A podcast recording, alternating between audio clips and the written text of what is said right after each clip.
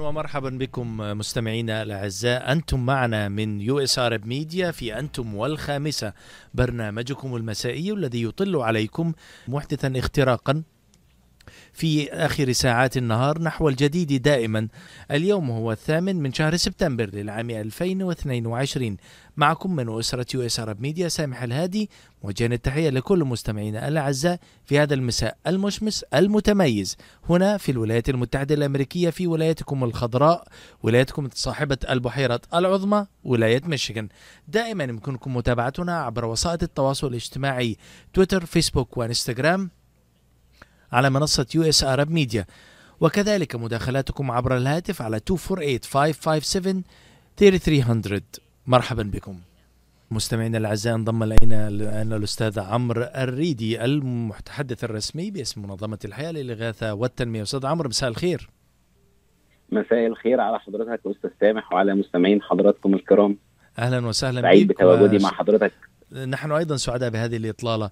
يعني أستاذ عمرو للأسف الشديد ضربت باكستان منذ شهر يونيو الماضي حتى آخر أغسطس يعني فيضانات قوية أدت إلى إحداث أزمة إنسانية كبيرة دعت الأمم المتحدة إلى إطلاق برنامج للإغاثة في باكستان والتي أعلنت أن هناك الملايين من المتضررين من هذه الفيضانات. وكعهد Life for Relief and Development كانت من الرواد إن لم تكن الرائدة في الاستجابة لمثل هذه النداءات وقيادة حملة للإغاثة والمساعدة. هل لك ت- تسلط لنا الضوء عن جهود الإغاثة التي تقودها Life for Relief في باكستان؟ آه طيب دعني انطلق مما ذكرت حضرتك أستاذ سامح أنه لا يخفى على كثير من الناس أن آه هناك العديد من الفيضانات في العديد من الدول سأشير إليها لاحقا ولكن بخصوص باكستان فيعني باكستان جاءها فيضانين الأول كان في بداية شهر أغسطس ومن هنا كما أشرت كانت الريادة لمؤسسة Life Relief and Development حيث كان فريق العمل متواجد من الأول من أغسطس لإغاثة المتضررين وإن لم يكونوا بالعدد الكبير من الفيضان الأول. وأثناء تواجدنا هناك جاء الفيضان الثاني والذي به أحداث مؤسفة أكثر من ألف من الضحايا والكثير من المصابين والمشردين. وكما أشارت ال- ال- الحكومة الباكستانية أن المياه تغمر تقريبا ثلث باكستان. فبالتالي كنا نحن الرواد كما ذكرت أنت وقدمنا الكثير من المساعدات حتى لل- للمتضررين وكذلك للمؤسسات الإنسانية الإغاثية التي أرادت أن تبدأ هناك وأن تلحق بنا إلى هناك. فقد كان فريق العمل متواجد وهناك رفع واقع بالاحتياجات الموجودة بشكل مسبق وتقديم ال- ال- المساعدات والخدمات وال- والإعانات بشكل عاجل. فحتى يعني حتى يومنا هذا تم تقديم الطعام. كما تعرف إذا جاء الفيضان فهناك العديد من العائلات تنتقل من مكانها إلى مكان آخر ومن لهم آه، ضحايا من لهم مصابين من شردوا وليس لهم منازل ف... فينتقلون من مكان إلى مكان آخر. فأصبح وهنا لدينا نازحين في الداخل الباكستاني. صحيح صحيح. وبالتالي يعني تجد أن الاحتياج ليس في محور واحد بل في عدة محاور. ولكن كما يعني نقول دائما محور الإغاثة العاجلة هو أهم شيء في هذا ال- الوضع. وبالتالي تم تقديم ال- العديد من زجاجات المياه لل- للمحتاجين. آه، وصلت إلى 550 أسرة تم تقديم إليهم المياه بشكل عاجل. وبعد ذلك تم تقديم آه، 6500 وجبة طعام على مدار يومي لهؤلاء النازحين والمتضررين. وبعد ذلك انتقلنا للمرحلة الثانية وهي مرحلة وضع هؤلاء النازحين في خيام فتم طيب عفوا أستاذ. عمرو قبل أن ندخل إلى المرحلة الثانية في عملية الإغاثة التي تقودها Life for Relief يعني سأعطي فقط صورة مختصرة مخلة عن الوضع في باكستان يعني كما ذكرت ثلث الأراضي الباكستانية الآن تضررت بشكل مباشر من الفيضانات. عدد الوفيات حسب الإحصائيات الرسمية حتى الآن وهي مرشحة للزياده 1250 الخسائر المادية مقدرة بعشرة مليارات دولار. موسم الفيضانات الثاني الذي بدأ في الثامن في العاشر من شهر أغسطس وانتهى في الثاني والعشرين منه غمر أكثر من آه من ثلثي مساحة إقليم السند وإقليم بلوشستان وهما الأكثر تضررا. أكثر من 3400 كيلو متر من الطرق الممهدة تضررت بشكل كلي أو جزئي. أكثر من 162 جسرا دمرت بشكل كامل. مليون مسكن لأسر باكستانية تعرضت للتهديم أو تعرضت لضرر يجعل الإقامة فيها أمرا شديد الخطورة. بمعنى حسب الإحصاءات أيضا أكثر من 13 مليون باكستاني تضرروا بهذه الفيضانات بشكل مباشر أو غير مباشر. المرحلة الثانية كما قلت أستاذ عمرو هي عملية التسكين وإقامة المخيمات. ماذا فعلتم في هذه المرحلة؟ نحن بدأنا مباشرة بعد الاغاثه العاجله وتقديم الطعام والمياه. بدأنا بشكل مؤقت لأن كما أشرت يعني التحرك الآن في الداخل الباكستاني هو ليس بالأمر السهل. فبمجرد وصول هؤلاء النازحين إلى أماكن آمنة وليست غارقة بالمياه تم تسليم كل أسرة الخيام الخاصة بهم حتى يتم تسكينهم فيها وكذلك توفير بعض من من المستلزمات التي يعني آه، تقضي حاجاتهم لحين الانتهاء من هذا الوضع. آه، كما تعرف أستاذ سامح الانتهاء من أو يعني تبعات الفيضان لن تكون سهلة ما زلنا إلى حاجة إلى إلى دعم نحن هناك متواجدين في الميدان نحن أرسلنا تقريبا دفعتين من التبرعات التي وصلتنا هنا من ال من ال من داخل الولايات المتحدة الأمريكية وما زلنا في حاجة شديدة إلى مساهمات كل من يستطيع ان أن يساهم بالتبرع لنا حتى يتم تقديم المزيد من الدعم، تقديم المزيد من الخيام، تقديم الدعم الطبي، يعني المرحلة القادمة والتي نتصور أن نريد أن نبدأ بها بشكل عاجل وهو توفير بعض العيادات الطبية الصغيرة لهؤلاء النازحين لحين ما يتم حل المشاكل الخاصة ببيوتهم أو إعادة إعادتهم إلى الأماكن الخاصة بهم. طيب أستاذ عمرو يعني عفوا عفوا للمقاطعة ولكن هل تعملون بفريقكم مباشرة على الأرض أم أنكم تتعاونون مع مؤسسات إغاثية وخدمات إنسانية باكستانية؟ نحن نحن عندنا مكتب إقليمي للعمل في باكستان وأفغانستان وهم من يعملون لنا الآن ولذلك كان لنا سبق في الوصول إلى هذه الكارثة وبعد ذلك عند مجيء باقي المؤسسات نحن نعمل على التكامل الآن كمؤسسات إغاثية على أرض الواقع. لكن ما يتم إرساله من تبرعات خاص بمؤسسة Life for Relief and Development نحن مكتبنا هناك من يقوم بتنفيذ هذا الجزء. ولكن حتى تتكامل المؤسسات حتى لا يأتي خمسة أو ستة مؤسسات فقط يعطون الطعام فنحن كفريق عمل لجميع المؤسسات في الداخل هناك نقول هذه المؤسسة تأخذ الجزء الخاص بالطعام والاغاثه العاجلة، هذه المؤسسة تأخذ هذا الإقليم، هذه المؤسسة تأخذ هذه القرية حتى يتم توزيع للمهام. آه بالضبط بالضبط. طيب في ظل احتياجاتكم الآن الملحة والأكثر يعني احتياجا هل هي المواد الطبية هل هي المواد الغذائية هل هي مواد الإعاشة والسكن؟ ما هي أولوياتكم؟ نحن الآن ما زلنا نستكمل المرحلة العاجلة بالطعام والمياه وكذلك موضوع الخيام للتسكين. هذا هو ما يجري الآن. يعني دعني أقول لك هذا ما يحدث الآن وبدأ منذ الأسبوعين تقريبا أو منذ أسبوع عشرة أيام وهو مستمر إلى الآن تسكين المتضررين مع إطعامهم.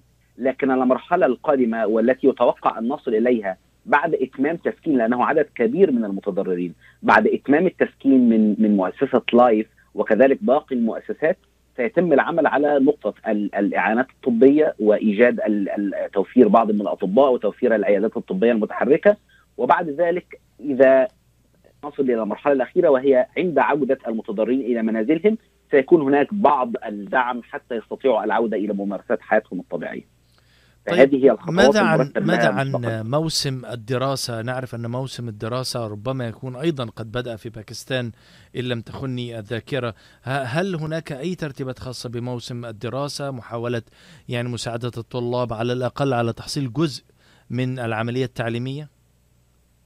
نحن نحن كما تعرف أستاذ سامح لنا آه، مشروع العودة للمدارس ودعم الطلاب أثناء آه، بداية السنة الدراسية ليس فقط في باكستان بل في 30 دولة حول العالم.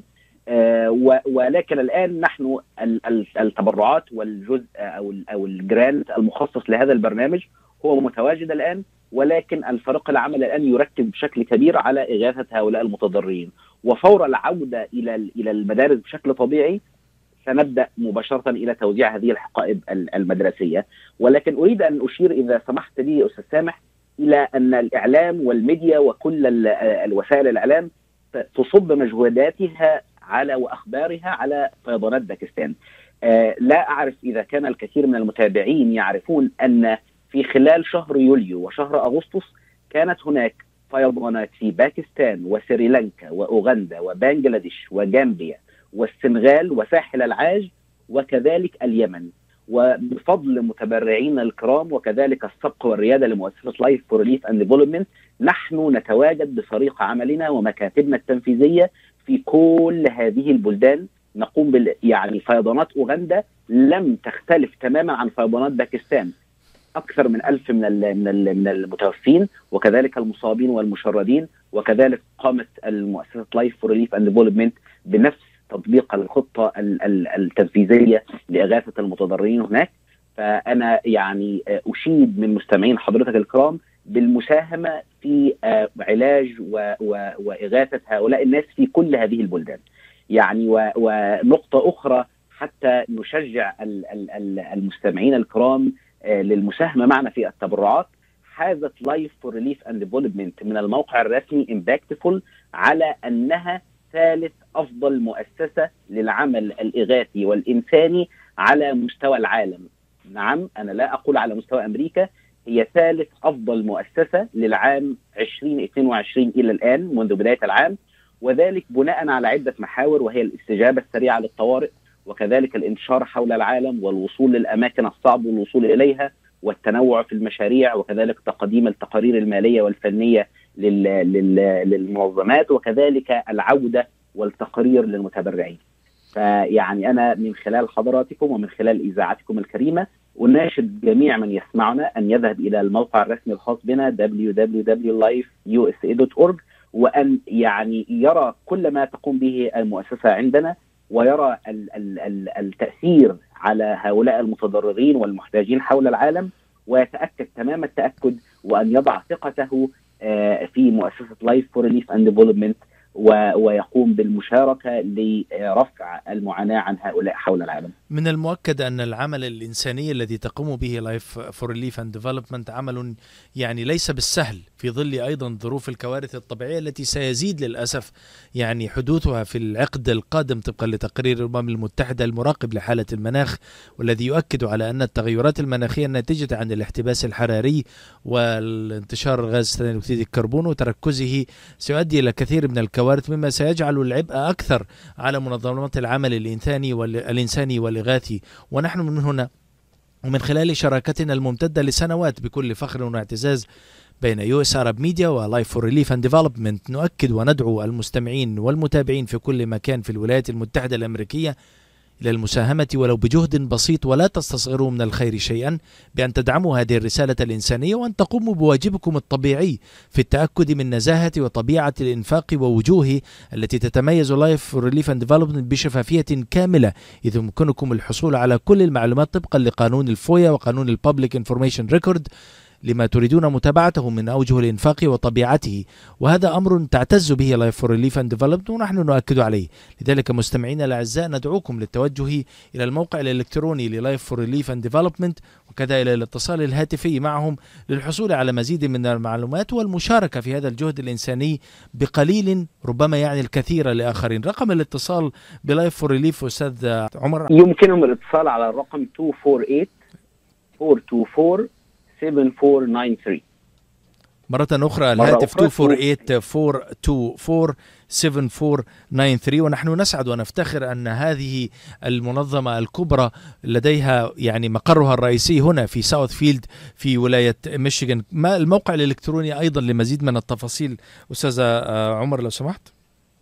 الموقع الإلكتروني مرة أخرى www.lifeusa.org مرة أخرى مستمعينا الأعزاء دعوة للمشاركة في هذا الجهد الإنساني. كان معنا في هذه المداخلة المتميزة ذات البعد الإنساني السيد عمر الريدي المتحدث الرسمي باسم منظمة الحياة للإغاثة والتنمية Life for Relief and Development عن جهدها الإنساني في الإغاثة في باكستان وأزمة الفيضانات. كل الشكر أستاذ عمر. شكرا جزيلا. سامح ومساء الخير على حضرتك ومستمعينك الكرام. العطاء قصة رائعة بدايتها إنسان يهتم ونهايتها إنسان يحتاج مؤسسة الحياة للإغاثة والتنمية ومنذ أكثر من 25 عاما تحمل عطائك إلى من يستحقه ويحتاجه بغض النظر عن الجنس أو العرق أو الدين. فأينما تكون الحاجة تجد الحياة تقدم المساعدة الطبية والملاجئ وبناء المدارس والأوار الارتوازية وبرامج كفالة عوائل اللاجئين والأيتام وغيرها حسب الحاجة. للمساعدة في استمرار هذا الجهد الكبير امنح تبرعك المعفى من الضرائب اليوم إلى منظمة الحياة للإغاثة والتنمية. عبر الموقع www.lifeusa.org أو الاتصال على الرقم المجاني 1-800-827-3543